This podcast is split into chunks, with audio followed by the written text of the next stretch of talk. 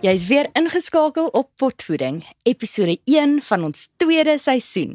My naam is Charlotte Fourie en in hierdie seisoen van Potvoeding gesels ons oor die toekoms van onderwys. Hoe hierdie toekoms moet lyk en hoe ons daarby gaan uitkom. En vandag spesifiek gesels ons oor die toekoms van die grondslagfase. Dit is vandag Donderdag 13 Oktober 2022 in die in die ateljee by Marula Media aan die voet van die pragtige Voortrekker Monument het ons soos altyd ons kollega vanaf die Kaap, Andrei, en wat virtueel ingeskakel is, hy's hierso op die skerm. En dan ook vir Johan Kokemoer, hoof van onderrig en leer by die Solidariteit Skole Ondersteuningsentrum of die SOS soos meeste van julle ons seker al ken. Nou Johan gesels vandag met 'n baie spesiale gasspreker, Maritjie Haffenga. Maritjie is 'n voormalige grondslagfase onderwyseres en nou ook die hoof van 'n kleuterskool by 'n vooraanstaande laerskool hier in Pretoria. Nou terwille van tyd gaan ek ook nie al haar bevoegdhede en bekwaamhede nou noem nie, maar baie welkom Johan en Maritjie. Baie dankie Charlotte. Charlotte. Ehm um, ek kry glo is dit Havenga of is dit Havenga? Dis Havenga en party mense sê Havenga.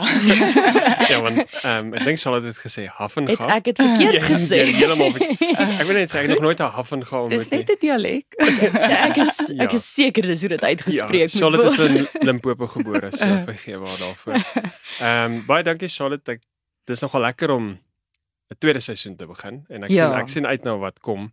Mens kan nie glo ons is nou al in die tweede seisoen in die eerste jaar van potvoeding nie.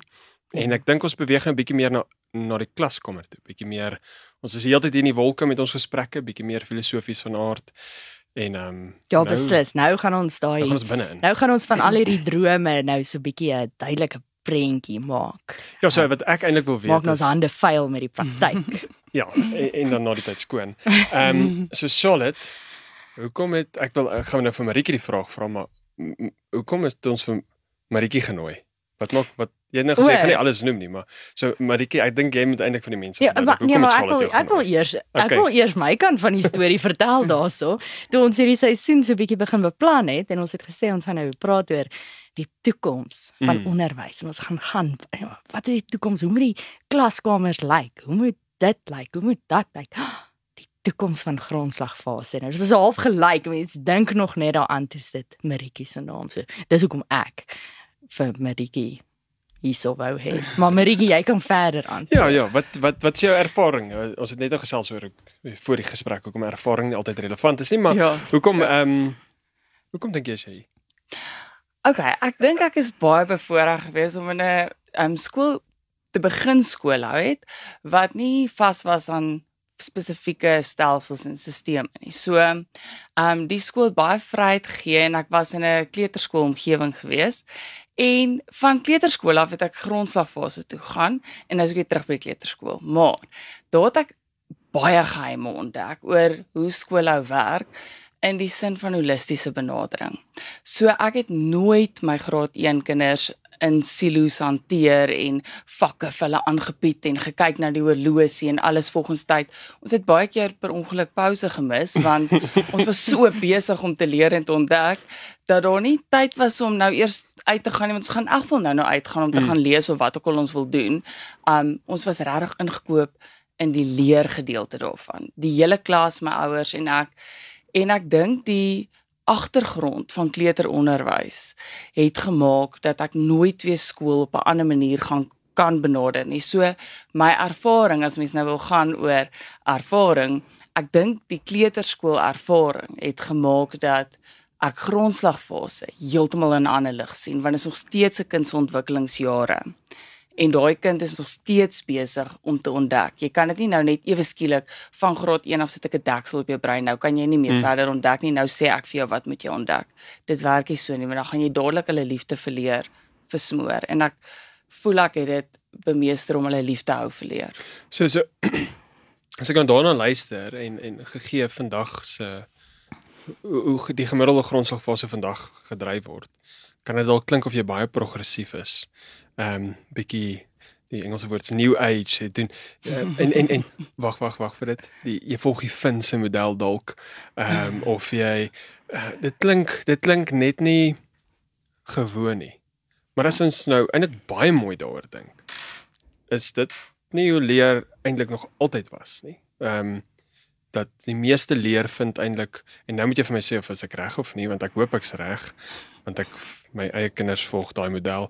Ehm um, leer vind eintlik meer op die informele front voor as op die formele front. Ja. In in die sin van ehm um, kom ons vat werkboekies as 'n voorbeeld. En ek wil graag hê jy moet kommentaar lewer op werkboekies en werkkaar. En ons moet seker my meeste van die gesprek in verkleiningsvorming hou want ons is in die Ja, ja, dit is pas is vir die um, die onderwerp van die episode. Werkboekies en werkkaartjies. Um, ja.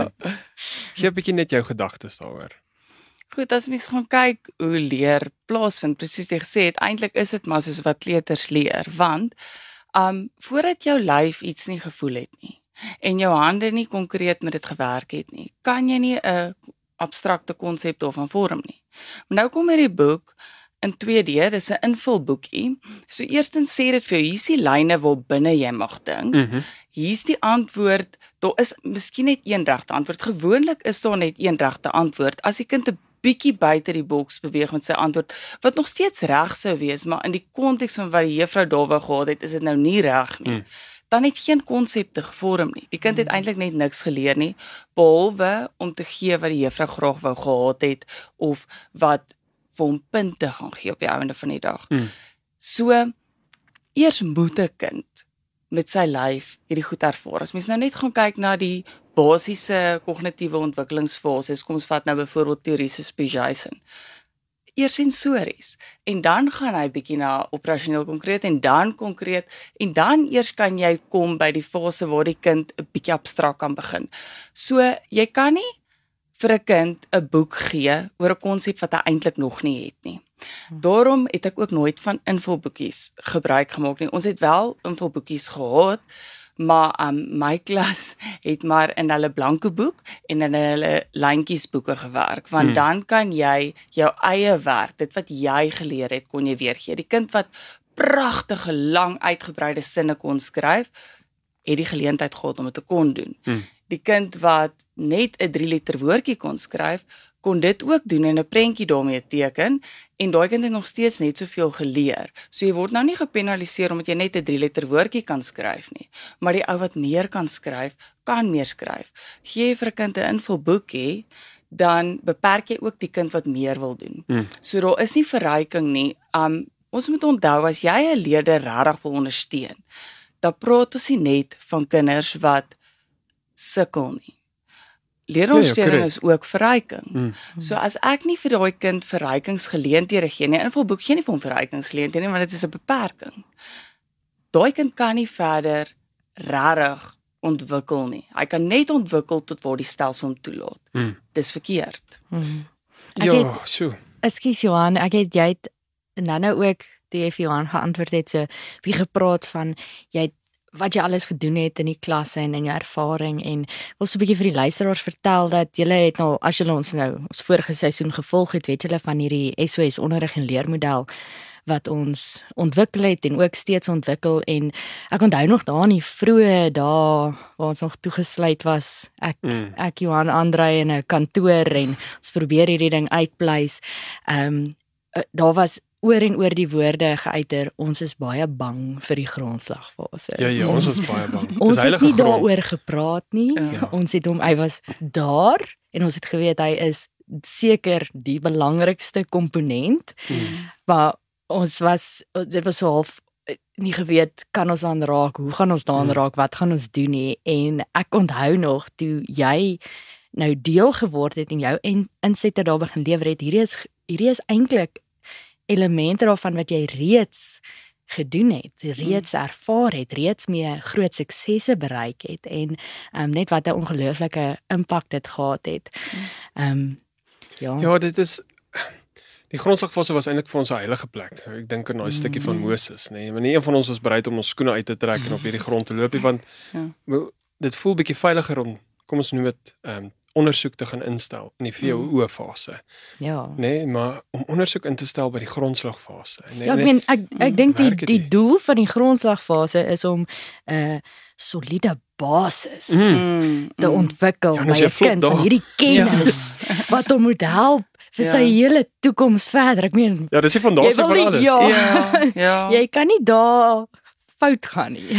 Jy sien, dis wat ek nie verstaan baie keer nie. As jy byvoorbeeld gekwalifiseer is, jy kan nou graad 4 gee, dan mag jy grondslagfase nou ook gee. Maar jy het nie noodwendig die opleiding daarvoor mm. nie, nê?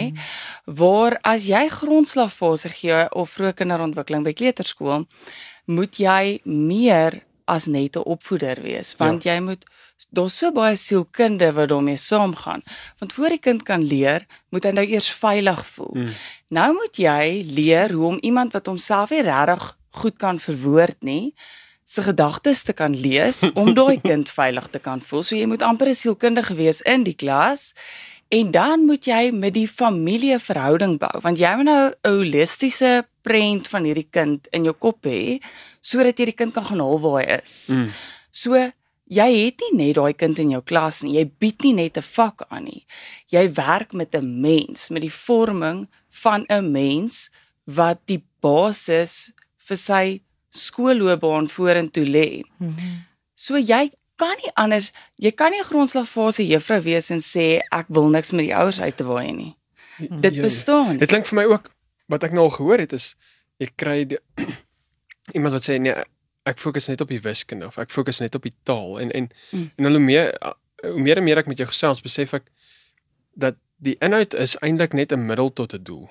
Dis nie dis nie die doel self nie. Ja. Waartoe ons met hierdie inhoud wil gaan is hierdie volronde ontwikkeling van die kind. Mm. Ehm um, en ek dink iewers in die laaste 10, 15 jaar het daai prentjie skeef getrek want ek sien Mm. nou ehm um, sy my vrou moes vandag die my dogtertjie se rapport, sy's in graad R terugstuur skool toe en toe kon ons hom nou eers nie kry nie. Ehm um, ons stel glad nie belang in 'n rapport te graad R nie. Wat Nee. wat gaan hulle vir ons sê? Ehm um, en nou sien ek al so 'n lysie met sulke tiklysies. Ehm um, en nou dink ek by myself, okay, dis pragtig wat ook al. En die onderste sin was eintlik vir my, dit was sy kon net dit gesê het in die rapport is ja. Emma werk hard. Mm. Mm. En en dit dit sou vir my genoegsaam gewees het. Ek wil nie weet Emma ken die verskil tussen 'n driehoek en 'n sirkel. Sy is in graad R. Mm. Ek wil weet is as Emma op die speelgrond is, ehm um, het sy empatie met haar maatjies? Kan sy Mm. ehm um, kan sy haarself ehm um, uitdruk. uitdruk? Ja. Kan sy kan sy Kan sy haar emosies erken en Mm. Presies. verwoord. Maar nou het hierdie rapport dingetjie dingetjie, Ja. nê? Nee, hierdie rapportjie het het nou 'n ding geword Mm. wat ons gebruik as ehm um, die die alfa en die omega. Mm. En ek gee nie om of my kind op daai speelgrond ehm um, een van die slegste maatjies is nie. As hy net al daai tickboxies het. Dis nou 7 dink ek is die hoogste. Ek weet nie eers nie. Ehm um, nou dit het al daai tickboxies en nou is ek as ouer tevrede. Mhm. En en en ek het ek sien eers op die skool se WhatsApp groepies niks sulke goed nie.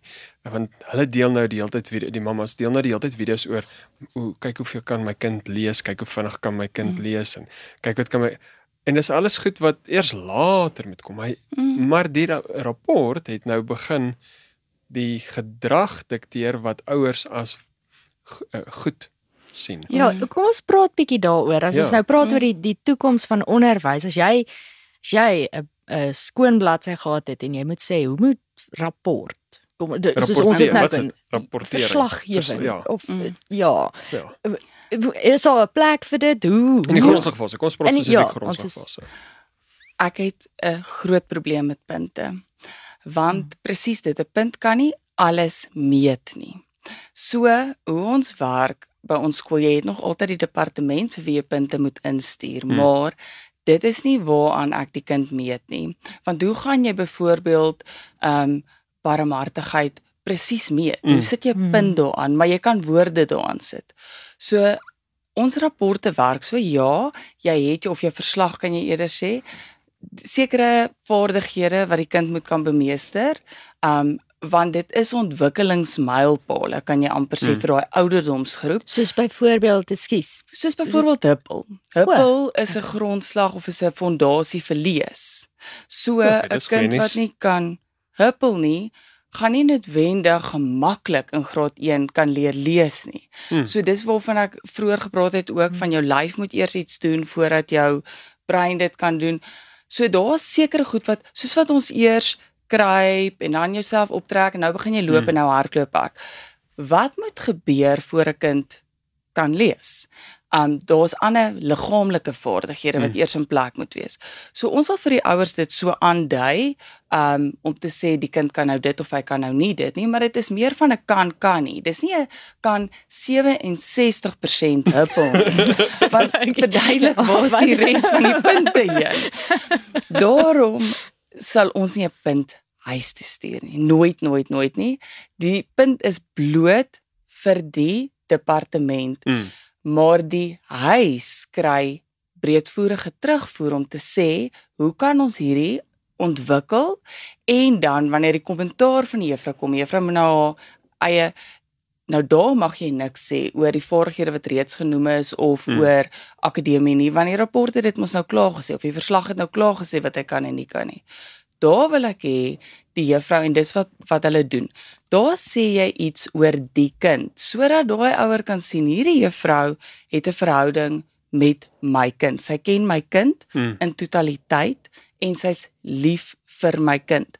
Want op die einde van die dag, as hulle daai kind by jou aflaai, staan jy daar in local parentis, hmm. jy's die ouer vir daai kind. Hmm. Hoe sou jy wou gehad het iemand moet teenoor jou eie kind hmm. optree. Mm. En so moet daai juffrou, ek wil nie hê iemand moet vir my kind sê jy's 'n 82 of jy's 'n sê eerder vir my waar kan ons werk mm. en wie mm. is my kind? Stel jy regtig belang in my kind? So ek sou sê jy moet verhouding jy moet ehm um, goeie terugvoer kan gee met woorde wat mense kan verstaan mm. sodat hulle iets daaromtrent kan doen en dan moet jy ook 'n persoonlike aanslag hê. Want sonder die persoonlike aanslag dra dit ook nie veel water hmm. nie. Hulle wil weet jy hoe het jy nou hier uitgekom by wat jy nou gesê het. Hmm. Ken jy my kind? Dis belangrik. En, en dink jy dit is 'n kwessie of kom vra eerder so, hoe gereeld dink jy is hierdie terugvoer wat jy nou beskryf het sinvol um, en in watter wyse is dit dalk 'n hmm 'n een tot een gesprek en dan is dit 'n 'n verslag, 'n geskrewe verslag wat huis toe gaan. Wat dink jy is die beste en die die beste tyd mm. vir dit? Ek dink daar's nog baie area vir ontwikkeling daaraan want mm. elke kwartaal um het ek nog my verslag aangepas met nuwe goed wat ek bygeleer het. Mm. Um alles sê mos Ja, eh, ek werk nou 'n bietjie harder as wat ek moet want ek moet nog eers by die wenresep uitkom. So ja. die idee is om om dit glad te kry. Maar ehm um, mense kan ook nie in die onderwys wees as jy nie wil leer heeltyd nie. Mm, ja. So ek is 'n student om self te leer wat gaan die beste beste manier van verslag is, maar ek moet sê die ouers is baie tevrede ons werk ons net gediks om hierdie verslag klaar te ja. kry. So dis maar so, die, ons nou sê weekliks gaan jy ja, nie nee, te opgewonde wees nie. 'n Weeklikse verslag nie. Nee, wat ons doen is ons het evaluasies wat deurlopend is reg deur die kwartaal. So ons het mhm. reeds daarmee begin, die skool het eers hierdie week begin, maar dit is nie soos assesserings nie. Dit is letterlik waarnemings wat jy maar die hele tyd het. So dit is op skrif. Mm. Sou iemand daarna wou kyk, maar dit gaan nie huis toe nie. Hmm. Sou die ouer jou kom sien, dan kan jy breedvoerige terugvoer gee, want jy het al die inligting, het jy nou basies voor jou, hmm. maar jy gaan dit nie hmm. alles in die verslag sit nie. Um einde van die kwartaal kom die verslag om die hoofvaardighede, maar jy kan ook nou nie presies sê Um hy deel elke dag sy broodjie met die maatjie langs. Om dit kan jy by die kommentaar een keer, maar gaan nie elke kwartaal. Hmm. So jy gee maar jou basiese vaardighede terugvoer en dan gesprekvoering met die ouers. Veral in graad R is dit vir my belangrik dat die juffrouens met al die um ouers so 'n halfuur gesprek het om te sê waar staan jou kind in opsigte van skoolgereedheid. Ja. Ja. Ekskuus, ek wil ehm um, Andre het hierso 'n vraag gestuur. Ons kan hom nie vandag lekker op die mikrofoon kry nie, maar ehm um, Andre vra hy weer die kinders, hulle word geassesseer. Ehm um, soos jy nou beskryf het, ken hulle die woord nee. assesseer? Nee, nee glad nie, glad nie. Ehm um, dit is vir my ook 'n ander ding wat vir baie lank is daar 'n ding gewees van die oomblik as die kinders klaar geassesseer het, dan kan hulle by die huis bly. Ja. So met hm. ander woorde, jy kom skool toe om geassesseer te word. Jy het nooit ja. gekom te leer nie. Ja, ja, ja. En ehm um, aan die begin was dit 'n ding van maar hoe kan jy nou aangaan. Jy's dan nou klaar met die kurrikulum, jy's dan nou klaar met Wat wil die jy nog doen? Wat wil jy nog doen? Dan sê ek hoor hierso. Ek leer nog. Daai woord van ontwikkelingsjare ook. Dit voel vir my ek hoop ek is nog in my ontwikkelingsjare want as ek nie nog ontwikkel nie, dan moet ek nie meer hier wees nie. So die kinders moet aanhou leer. Jy's nie beperk tot die kurrikulum nie. En daarom weet hulle nooit wanneer hulle regtig geassesseer word nie, want daar's Hmm. nie assesseringstyd of 'n assisterings um metode nie. Ons Hmm. gebruik verskillende metodes.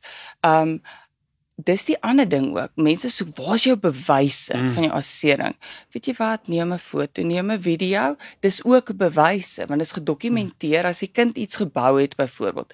Kom ons sê hy um al nou iets moet hy nou gaan soek tussen 'n hoop goed. Dan is 'n voorgrond agtergrond onderskeiding. Hoekom moet dit op 'n bladsytjie wees Mm. waar hy vir jou sê hier's die kuikentjie en daar's die eier? Hoekom kan hy nie vir jou uit 'n de mekaar kas 'n pink hemp uitkry en daar's 20 verskillende skakerings van pink? Hmm. Is dit nie eintlik die vaardigheid wat jy wil ontwikkel nie, want in regte lewe gaan hy nie vir jou op 'n bladsytjie 'n lyntjie om die een trek nie. In Mm. regte lewe gaan hy daai vaardigheid moet toepas Mm. fisies. So nie hulle weet dit nie want hulle leef net. Hmm. Um hulle weet ook nie hulle het nou wiskunde of hulle het nou Afrikaans nie. leer. Hulle leer. So so so sal ek reg wees as ek sê jy het 'n leer gesentreerde benadering. Ja. In plaas van want jy baie het 'n assessering gesentreer of 'n ehm um, inhoud gesentreer. Mm. Kom ons eintlik het ons almal 'n kom ons sê Christus gesentreerd. Ja. Ek praat nou spesifiek pedagogies. Ehm um, so uh, as ek nou dink aan Andrei, iets wat Andrei altyd sê en ek bedoel Andrei is al 'n oom in sy 50's. Ehm um, en hy sê altyd leer is die lekkerste ding. Ja. Hmm. En nou dink ek ek dink aan my eie kinders, dit is absoluut waar. Is partykeer 'n frustrasie hang af hoe lank die rit is, want hulle is net die hele tyd vragies op vragies op vragies. Ja. vragies. Nou wil dit nog en nog. Ja. Ehm um, Hou nie en en, op en nie. en ek so bang dit raak weg want ek sien Hmm. dit raak weg. Ehm um, Mm. die behoefte om nie, om om te leer. Ehm um, omrede my waarneming is dat ons het, ons verwar leer met die vermoë om te memoriseer, Mm, die mm. vermoë om op te roep, die Mm. vermoë om te groepeer. Hmm. om 'n assessering te kan voltooi. Ja, so so leer het iets geword wat nie en leer is 'n natuurlike proses. mm. Ehm um, dis eintlik iets wat ingebed is in ons diepste menswees, maar dit het nou heeltemal dit word nou heeltemal skeef getrek omrede ons wil hê 'n kind moet bewys kan lewer dat hy geleer het. Um, Mm. Ons wil 'n kind kan assesseer op 'n 2D stuk ehm um, papier. En en vir dit moes ons leer vervlak um, mm. tot Mhm. iets wat meetbaar is. Ehm um, en hoekom kan ek nie my kind buitekant los in die tuin mm. Mm. vir 3 ure en glo hy het nou iets geleer nie? Hmm. Mm. Ek wil hê hy moet terugkom en sê, "Goed, wat is hierdie plant se naam? Wat is hierdie plant se naam? Wat is hierdie klip se naam? Hoeveel Ja. klippe is hierso? Wat is die kleur van die lig?" Ja. Ek ek wil hê hy moet goed kan oproep as bewys dat hy iets geleer het. So dis wat ek eintlik ek wil jou, jou gevoel toets daar rondom die idee van leer en wat dit geword het. Mm. Weet jy wat is vir my wonderlik want dit was ook maar 'n waagskoot om nou met 'n nuwe model in te beweeg um, met ouers wat gewoond is aan punte, gewoond is aan en hoe gaan ek nou vir hulle bewys hulle kind het geleer en weet jy wat die terugvoer wat ek gekry het van die ouers se kant af is die kind kom by die huis en hulle wil aangaan met wat by die skool begin het Daar's hy. en Wow. hulle het inligting hulle het vir die ouers goed geleer wat die ouers nie geweet het nie Ja. Wow. Mamma, het jy geweet in die liggaam gebeur dit en dit en dat? En dan dink jy ouer, maar hoor hierdie kind kon dit nie by 'n maatjie gehoor het nie. Want die Ja. maatjie hoewel mens baie by 'n maatjies moet leer, wil ek net ook by sê, maar daai is inligting en dit was nie van Mm. okay, sit nou, luister vir juffrou. Dit is wat dit is. Ons noem dit sê dit oor en oor en oor nie. Daai kind het belangstelling. So hulle gaan huis toe. Kyk, ons graad R het natuurlik geen huiswerk nie. Dankie. Maar nou kom hulle by die skool aan, dan het hulle 'n taak gedoen. En sê ek nou partytjie daar op ek dink sê ek, wat sê nou? Nee, hulle het hierdie huiswerk gedoen en sê ek het juffrou vir jou gegee om te doen. Nee, nee, nee, is- hulle bring dit vir juffrou dis 'n geskenkie, nê? So mooi. Want hulle het dit so geniet dat hulle self uit Hulle self huiswerk uitgedink. want die ma en die pa koop in in die model, so hulle wil dit saam begin Mm. doen.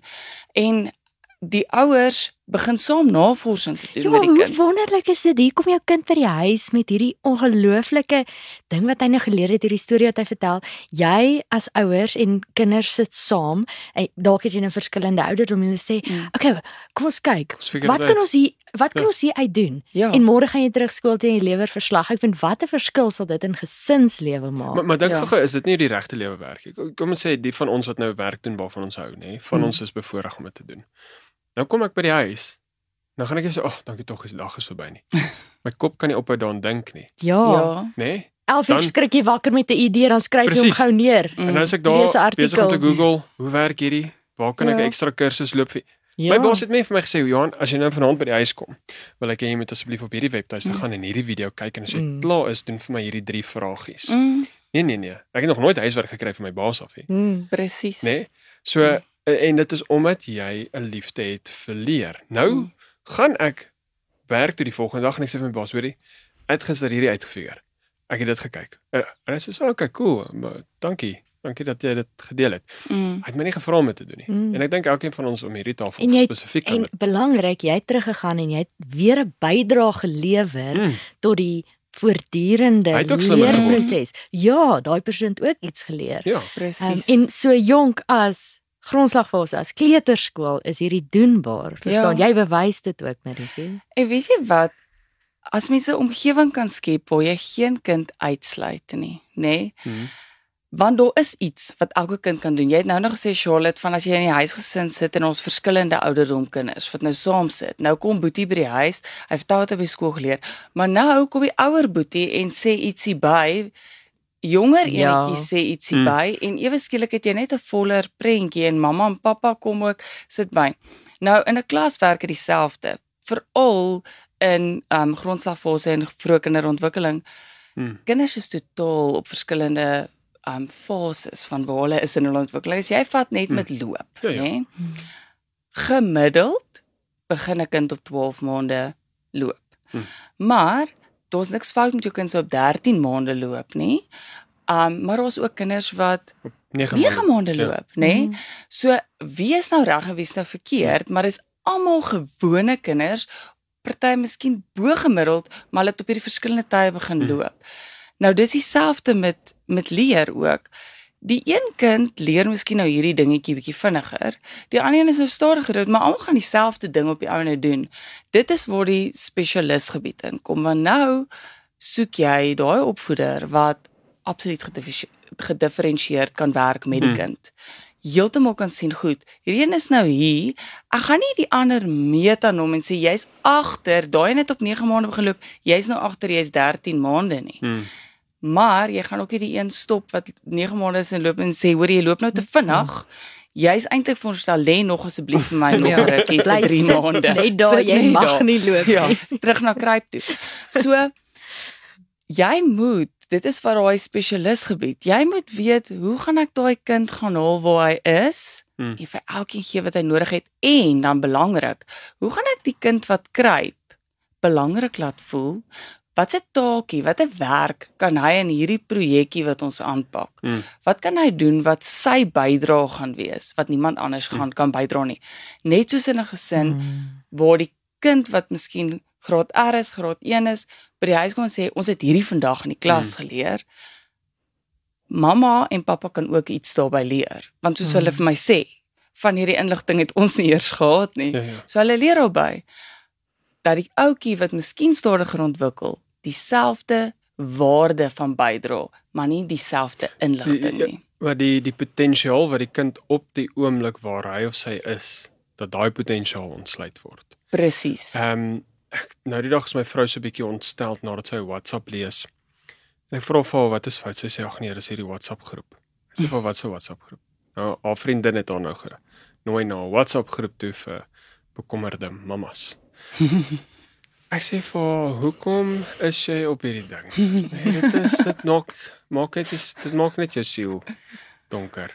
Sy sê nee, maar sy weet nou nie om vir haar vriendin te sê dis eintlik 'n groot hoop gemors nie. Ja. So wat hierdie mammas dan doen is hulle hulle meet nou. Soos um, my dogtertjie het nou op 9 maande begin loop En dan sê hy, so sy so bekommerd. Haar seentjie is is nou 11 maande, haar seentjie loop nog steeds nie. En dan sê 'n ander mamma dat sy nou iets raak gegoogel wat hierdie wat nou as 'n intervensie moet wees vir hierdie mamma wie se laat hy nou op 11 maande nog nie loop nie. En dan deel hulle daar raad uit, nê, nee, maar Dit klink Ek soos 'n Facebook groep. ja, nee, so die die die hoofbron, die WhatsApp groep is gestig vanuit 'n geselekteerde groep van die Facebook groep. O. Ja, so dis okay. net uitverkorenes van die groot Facebook groep wat op die WhatsApp groep is. Nee, maar nou dink ek by myself en dit is nou wat jy nou eintlik ook sê, is soos ehm um, hierdie hele gedagte van normaalverdeling waar ons nou eintlik die gemiddeld vat van gemiddeldes wat ook eintlik nie beste praktyk is nie. En nou sê ons gemiddeld loop almal op 12 maande. Mm. En nou meet ons almal aan die gemiddeld. So die Mm. eerste plek. As jy jouself aan die gemiddeld meet, word jy gemiddeld. Mm. Dit is net logies. So uh, maar ek vat ek nou die voorreg om 5 kinders te hê. En nie een van hulle my derde kind praat nog steeds nie. Hy sê net vokale. Mm. hy het nog geen konsonante in sy woordeskat nie, nê? Ja.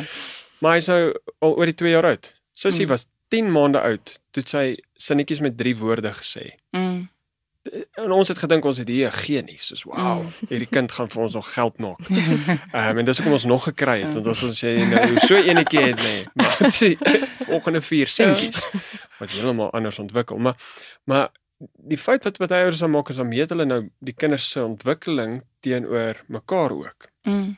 En en, en nou in 'n skool opset, nou gee jy 'n rapport en jy sê ehm um, die kind het 80% teenoor hoe lyk 'n goeie huppelaar? Mm. Ehm Mm. waar is die waar is die standaarde en norme vir huppelkunde? Ja ja. Dis die 90 grade buig van die knie. Ja, so so Ja. waar is die eh, so dit is eintlik ook ook maar uh, baie daar's baie subjektiwiteit betrokke. In elk geval, maar Mhm. nou word dit verabsoluteer wanneer ons ons kinders meet. Mm. En ehm um, ek dink dit is gevaarlik en en en dit is hoekom dit my so opgewonde maak as jy praat want Marnelda wat ons ook binnekort seker ook op die program gaan hê Mhm. wat ook grondslagsfase spesialis is, het vir my 'n video gedeel van uh Singapore wat nou besluit het in die grondslagfase is hulle klaar met met eh, assesserings. Hulle is Mm. klaar met huiswerk, hulle is klaar met daai goeters. Mm. Ons weet Finland is nou al rukkie klaar met dit. En en ek bedoel dit is van die top 5 lande met uitsette. Mm. Mm. So mens dink dalk dit is bietjie los. Daar's Mm. struktuur nie, nê? Nee? Want ons dis mos wat mense soek. Dit is bietjie oef, die kinders doen net wat hulle wil. Ehm um, en die kinders speel net die hele tyd. Maar hoe kon jy al sien die voordele? Het jy al kinders deur die hande gehad wat deur hierdie is, maar wat jy op 'n later ouder, maar hulle 'n bietjie groter is? En kon kon jy Ja. kon jy verskil sien? Die slimste van die slimste. nee, weet jy? Ja, ja. nee, weet jy wat? Hierdie model werk soos 'n bom. Um al die kindertjies wat deur my hande is wat hierdie model gevolg het, het vir my op 'n beter plek geëindig as wat ek voel hulle sou omdat hulle lief gebly het vir leer en hoekom ek vir jou sê ek is nie meer op dieselfde perseel as waar my graad 1 kinders Hmm. um was nie. Um so hulle kan nou van my vergeet want hulle is klein en dis mos nou uit hulle gedagtes Hmm. uit. En by ons skool het ons 'n tradisie waar ons graad 4s wanneer hulle nou begin leer oor oor briewe skryf en hoe is die regte formaat, dan kan hulle nou 'n brief skryf vir 'n onderwyser wat 'n wat hulle voel het 'n lewenslange impak gehad. En daai kinders ek het gedink, "Joe, as ek uit daai skool uit gaan, dan gaan hulle nou nie meer vir my skryf nie, want hulle skryf nou gewoonlik Mm. vir 'n graad 4 onderwyser wat 'n verskil vir hulle maak." Want dis waarmee hulle nou besig is. Wat sal hulle nou bekommer oor ou dae se goeters.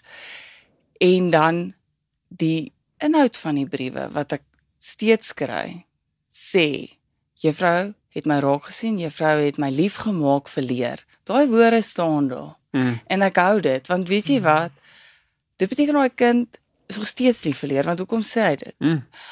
As dit weggegaan dan sou ek gesê dit was die laaste jaar wat skool vir my lekker was. maar hulle het die metode gevind om nog steeds wanneer daar beperkings te is is om buite dit te kan kyk Mm. en nog steeds dit te kan maak werk en nog steeds verder te ontdek en te ondersoek. Sien, maar dit is eintlik wat jy eintlik ontwikkel dan by jou kinders. By jou skool is 'n tipe ingesteldheid. Ja. En en en Carol Dweck praat van 'n uh, growth mindset. Ja, ja, ja. En en jy kan hom jy kan hom ontwikkel op 'n voorouderdom. Mm. En uh, wat beteken dat hierdie kind het 'n ingesteldheid om te wil leer. Mm. Te wil mm. groei. Ehm um, nou dink ek aan die beperkings en dis eintlik mooi wat jy sê is as jy daai ingesteldheid het en ek gee vir jou beperkings. Mm. gaan jy met die beperkings kantoor. Mm. Jy gaan um, ek vat nou altyd een keer nog om my ek ek wil vir my kinders 'n klimrom bou. Mm. Maar Nalda sê nee moenie. Ek sê hoekom nie? Dit is dis dis met elke ouer nie vir sy kind 'n klimraam gee nie. Sy sê nee, klimraam is 'n beperking en hy hy hy beheer die speel. Met ander woorde, daar's nie eintlik ruimte vir vryspel nie. Hier's die leertjie waar jy opklim en hier's die slide waar jy afslide en dit is dit. En toe dink ek baie lank daaroor en ehm um, so nou vat ek maar my kinders na speelgronde toe waar daar 'n klimram is. en nou reg was ons by vriende na se klimram en ek laat my kinders los en ek sien maar hulle doen nie wat hierdie klimram sê hy hulle moet doen nie. Presies. Ja, en ek sê Aha, so dalk is dit nie die klimraam wat die beperking stel nie. Mm. Dis die ingesteldheid. En toe gaan 'n paar liggies so, ah, okay, cool. Jy kan vir jou kind 'n monkey bar gee. Het jy al geweet jy kan op monkey bars loop? Ja, ja. Dis nie vir monkey bars gemaak is nie, ja. hè, maar toe ek my light en my dogtertjie sien op die ding loop, eers wou ek intree. Ja. Want dis bietjie gevaarlik, né? Nee, daarom was mamma in die huis by die ja. vriende, ja. so sy het dit nie gesien nie. So ek het nou van hier van onder af het ek dit nou besigtig. En en dit is eintlik nou wat jy nou vir ja. ons gesê het, is daai ingesteldheid wat ons by 'n kind moet kweek deur die manier wat ons hulle laat leer. Dis presies dit. Ek dink dis hoekom ek begin het by ek het in 'n skool waar ek begin skool hou het, was daar nie hierdie beperkings nie. Mm. Toe kom ek by 'n skool waar daar al hierdie beperkings was, maar omdat die ingesteldheid reeds gevorm was mm. en ek was reeds ek ek ken nie aan 'n kant kon ek in enige stelsel gaan ek dit kan maak werk want ek weet hoe om dit te manipuleer ja. dat jy nog steeds dat daar nog steeds leer kan plaasvind. Um toe jy nog gesê het van die klimraam, toe dink ek dadelik wat 'n beperking want by ja, ons dink nie 'n beperking dink nie. 'n beperking nie want by ons vat die kinders komberse en hulle bou huisies met die mm, klimraam. Dit word hulle fort. Mm. hulle hang onderste bo op die goeders. Um niks ek dink nie een van ons klimrame word gebruik soos jy sê so 'n manier so dit is eintlik vir vir ons is die klimroom heerlik want dit hmm. is 'n geleentheid om so baie verskillende goed te kan ontdek. Dit gaan oor ingesteldheid. Ja, en ek dink daar het 'n liggie vir my aangegaan is. Ehm um, ek gebruik altyd my eie kinders as 'n voorbeeld net vir heeltyd vir konteks, maar op Emma se rapport in die tweede kwartaal dink ek was dit nou belangrik dat sy weet in watter straat sy bly en mm -mm. wat se nommer en daar was nog 'n paar sulke sulke fun facts. En ehm um, ek en my vrou ons is nou nie baie goed daarmee nie, maar ons kon ons seker nou gecoach het. Want ons het ja. geweet vir die tyd wat hulle gaan vra vir die dag van assessering. Nee. Ja, so. Dis in geval op die internet beskikbaar. So uh, ons kon nou gecoach het die hele dag al gedrill het gesê, "Emma, jy bly in Lionstraat 3." O, ek moet dit nie. Leeu. Nee, nee, dis Lion. Dis Lion. Sy, sy sê die hele tyd, "Pappa, dis leeu." Tegnies op Google Maps is dit Lion en hy kruis met elephant en dit is baie hartseer dat ons in monumentpark bly met Engelse diername maar ehm um, ons kon nog maak net straatname hier op. Dis ja, nie werklik baie bly. Nie asseblief. Bly weg. Ehm um, en en ons kon nog gekyk en dis 'n pragtige rapport huis toe gebring het. En ons kon hierdie ding nou geraam het en vir oumas en oupas gestuur het. En ehm um, en, en dit dit was nie vir ons belangrik want wat vir ons belangrik is is daai ingesteldheid. Mm. maar ek moet vir jou sê dit is dit is 'n konstante stryd om jou her, jouself te herinner. Hoekom jy nie daai goed as belangrik ag nie. Mm, mm. Want dit word heeltyd in jou gesig vir jou gehou. Ja. Ehm um, en uh, met die pryse ja, nou my vrou het vir my WhatsApp ons nou prysuitdeling as ons uit en my boord beste vordering te kry. Ehm um, ek hoop nie sy kry 8ste plek trofee nie. Ja. Nee, want dit is ook mos nou 'n ding. Ehm um, dit sê hy was die beste 8ste plekker. Ehm um, so hoe hoe veg jy die hele tyd daardie want jy behoort ook daai weerstand ja. te kry. Ja, kyk daar is sulke vereistes. Daai adres is een netjie, kan jy jou naam skryf as 'n ander enetjie, jou van daai daai tipe goeders. Jy moet vir die kind dit um relevant maak. So, hoekom wil jy jou adres ken? Jy dis nie van hmm. kom leer nou jou adres nie. Dit kan gebeur dat jy kan wegraak want jy's hier in 'n besige winkelsentrum, nou is jy weg. Sin hoe gaan ek by die huis kom, nê? Nee? So dit word 'n speletjie. Dit word nie van memoriseer sê agter my aan. 126 Charlie Straat. ek hoop daar bestaan nie 'n straat nie want ek bly nie daar nie, maar so jy kan nie vir die kind dit sê nie. Hmm. Jy moet sê hoekom is dit belangrik? As hmm. hulle weet hoekom is dit belangrik, dan wil hulle dit leer. So ons het byvoorbeeld die brandweer by ons gekry. En toe het hulle hulle adresse ons doen dit deurloop in deur die jaar, maar daar was nooit gesê daar van môre toets ons jou kind se adres nie. Die brandweer kom aan, nou staan brand. Ja, hy is aan die brand. Jy is alleen by die huis. Jy moet die brandweer se nommer ken. Dit is nie een van die vereistes nie. Ja, dis ek kry hom net. Wow. maar die kinders het die brandweer se nommer gou geleer want ja, ja. hoe nou?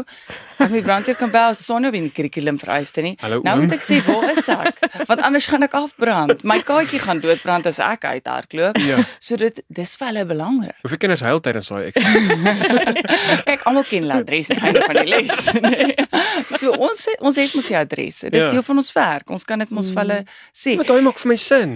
Dit maak vir die kind ook sin. So nou hoef hy mm. dit nie te memoriseer nie want hy onthou dit want dit is belangrik. Ja. Um as jy vir 'n kind inligting gee, feite, wat memoriseer feite, die oomblik as dit deel word van hulle leefwêreld, is dit belangrik. Wanneer dit nie vir my sin maak nie, wil ek dit nie mm. weet nie. Dit is betekenisvol. Ja. Mm. En en dis hoekom ek ook so baie daarvan hou as maatjies maatjies leer, want as jy vir 'n kind en hierdie is nou veral graad 1 tot 3 is baie relevant. As ek hmm. vir 'n kind um 'n lesie nou wil aanbied en ek sê hierdie is belangrik ons gaan toets skryf hieroor nê nee, dan luister hulle nie nê nee.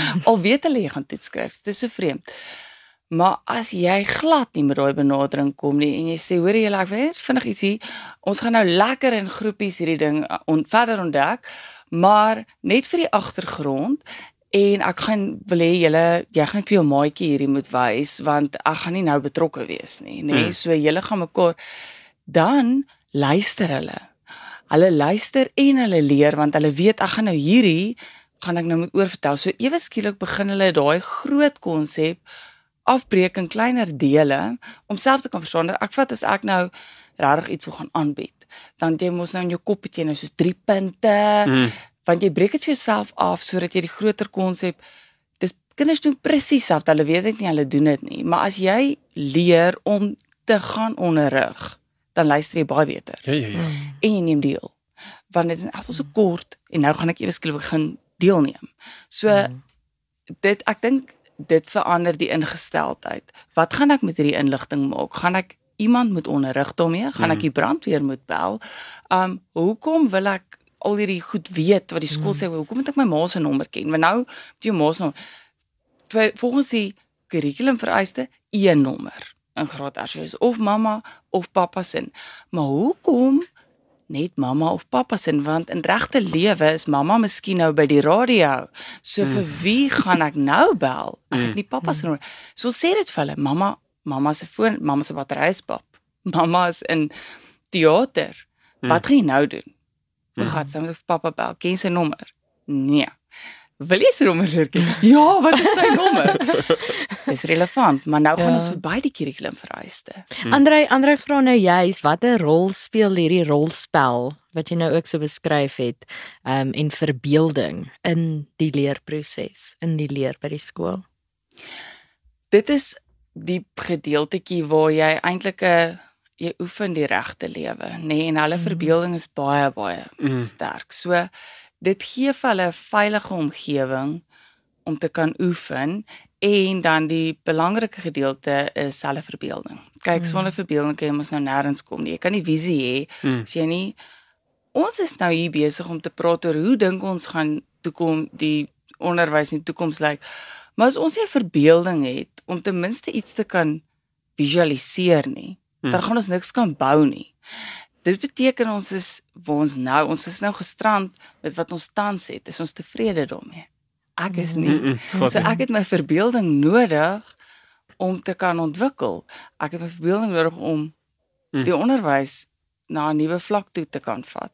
So as jy vir die kinders daai ruimte skep waar hulle kan oefen om te kan um visionêr dink en Hmm. verder te kan dink, dan gaan hulle ook eendag mense wees wat ontwikkelaars praat nou nie net van huisontwikkelaars maar dat hulle kan 'n toekoms bou. Ja, ek ek sien tipies hierdie kinders met met die ingesteldheid wat jy van praat met die sagte vaardighede. Ja. Ehm soos kreatiwiteit, kritiese denke. Mm. Sit 'n probleem voor daai kind met 'n oop ingesteldheid en hy loop op die monkey bars. Presies. Nee, maar sit daai probleem vir 'n kind met 'n toe ingesteldheid en hy soos mm, ek kan nie oorkom nie want ek het nog nie geleer hoe nie. Ehm um, iemand het nog nie vir my gesê hoe om dit te doen nie. Mm. En as mens nou gegee die die huidige stand van Suid-Afrika Hmm. kan ons nie 'n toekoms ehm um, enigsins insien waar ons kinders nie probleemoplossend kan dink nie, Mm. nê? Want ons is 'n land geseënd met 'n Hmm. oormaat van probleme. Mm. Ehm en ons wat ons hoofstroomskool produseer is ehm um, aanvullend tot die probleme, mm. nie oplossend tot die probleme nie. Mm. Maar dit wat jy nou vir my beskryf, klink vir my of is hier. Hierdie kinders gaan ek's rustig. Hierdie kinders gaan 'n kind wat wat wat gespeel het, 'n kind wat geworstel het, wat gestoei het, wat ehm um, gedroom het, wat verbeel het. Mm. Hierdie is eintlik die tipe kind wat die nodige vaardighede gaan hê. Hy gaan dalk hy dalk nie op daai dag sy straatadres onthou nie.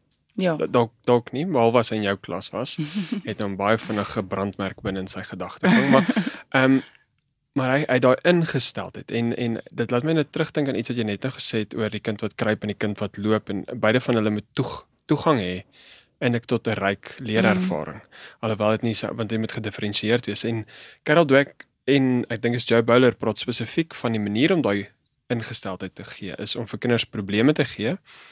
Maar die probleme is hoë plafon probleme en lae vloer proble- probleme. Mm. Met ander woorde, hy's toeganklik op op op 'n spektrum. Mm. So ehm um, ja, as jy 'n probleem nou op hierdie tafel sit en die probleem gaan oor wiskunde.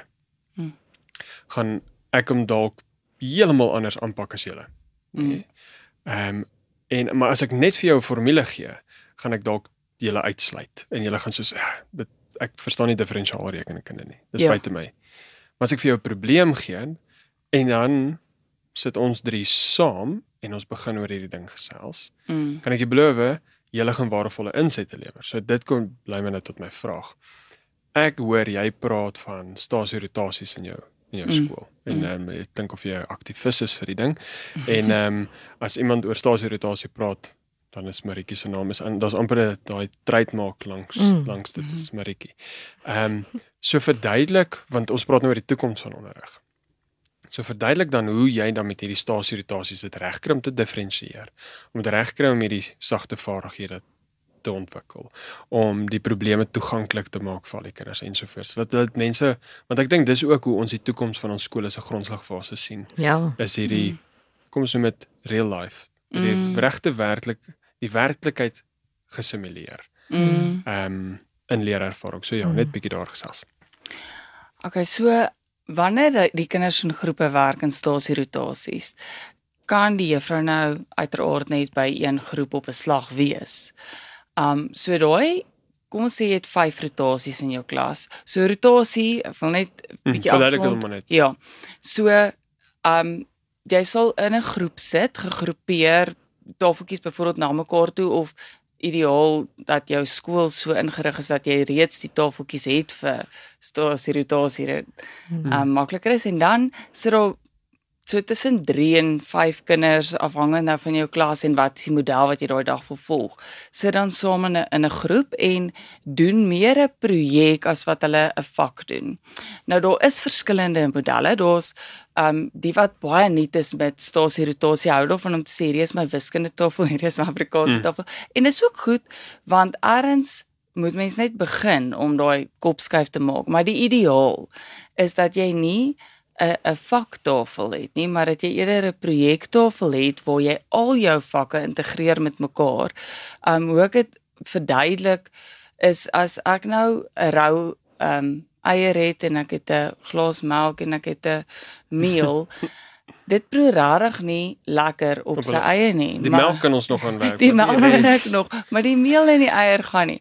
Maar gooi ek dit nou bietjie saam met 'n bietjie sout, dan kan ek lekker pannekoek bak daarmee en mm. dis heerlik. Almal hou daarvan, maar niemand hou van die rou eier en die meel nie. Mm. En die idee is eintlik om jou vakke bymekaar te gooi in 'n projekkie waar jy geleentheid kry. Hier gaan ek nou wiskunde nodig hê. Ons gaan nou hier ietsie bou.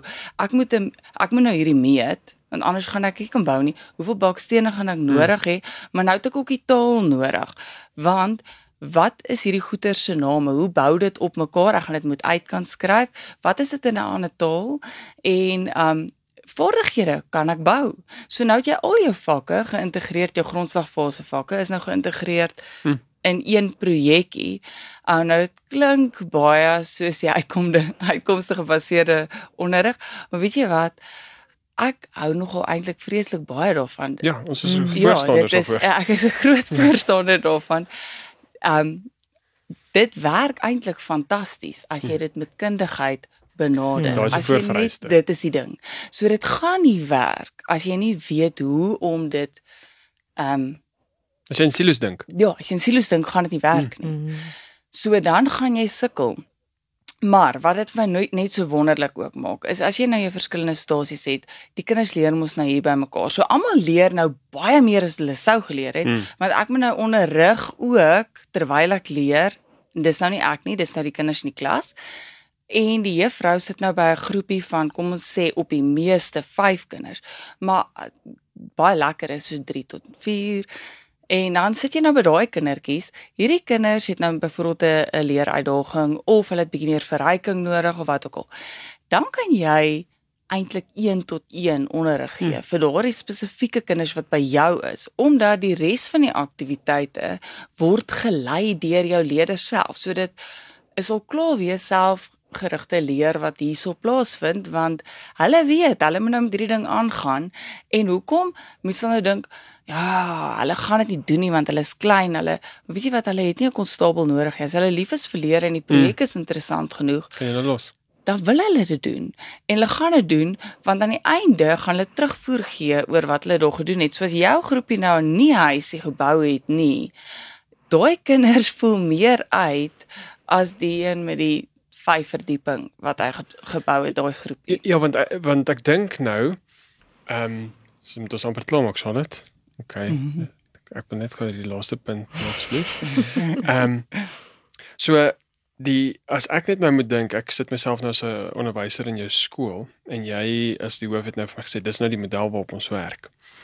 En ek kom uit 'n tradisionele omgewing uit. Dan gaan my eerste vraag wees maar ehm um, hoekom so baie moeite al wat ons hoef te doen is net dit. Né? Nee? So mm. jy jy jy gaan nou verby die minimum vereiste. Mm. En ek dink ons moet begin besef die die kurrikulum is 'n minimum vereiste. Absoluut. Nee, dit is nie die teiken nie. Mm. As, mm. Dis nie die eindpunt, dis nie bestemming nie, maar in elk geval. Nou moet ek dink, o, oh, Jessie, ek moet ek moet weier, ek moet weier as dit waarin ek dalk goed is dink. Né? Mm. Nee? So ek moet nou bietjie bietjie wyd dink. En en ek moet 'n um, 'n projek beplan. Mm. Wat al hierdie goeders integreer. So eintlik wat jy vir my sê is die die inset van die onderwyser word baie. Julle mm. werk julleself dood. Né? Nee? Ja. Nou is my vraag, is jou onderwyser sê net ja of sê net gelukkig of ongelukkig? Is hulle gelukkig of ongelukkig? Baie gelukkig. Hulle sal nooit weer anders. Moontlik dat onderwysers gelukkig is terwyl hulle self doodwerk, Maritjie. Hoe is dit moontlik? Weet jy wat? Ja. Dit was een van my grootste vrese. Hoe gaan hulle inkoop in hierdie model? Want dit vat baie meer van jou. Ja. Toe jy nou nog gepraat het oor, ja, jy kinders kan doen wat hulle wil, speel. Dit is nie so nie. Uh -uh. Dit is uitgewerk. Elke dingetjie is uitgewerk, maar die kinders weet nie dit is uitgewerk nie. Ja. So die omgewing is soveel geskep, maar jy moet dit nou gaan ontdek, nê. Nee. Hoekom jy Frans dof nou?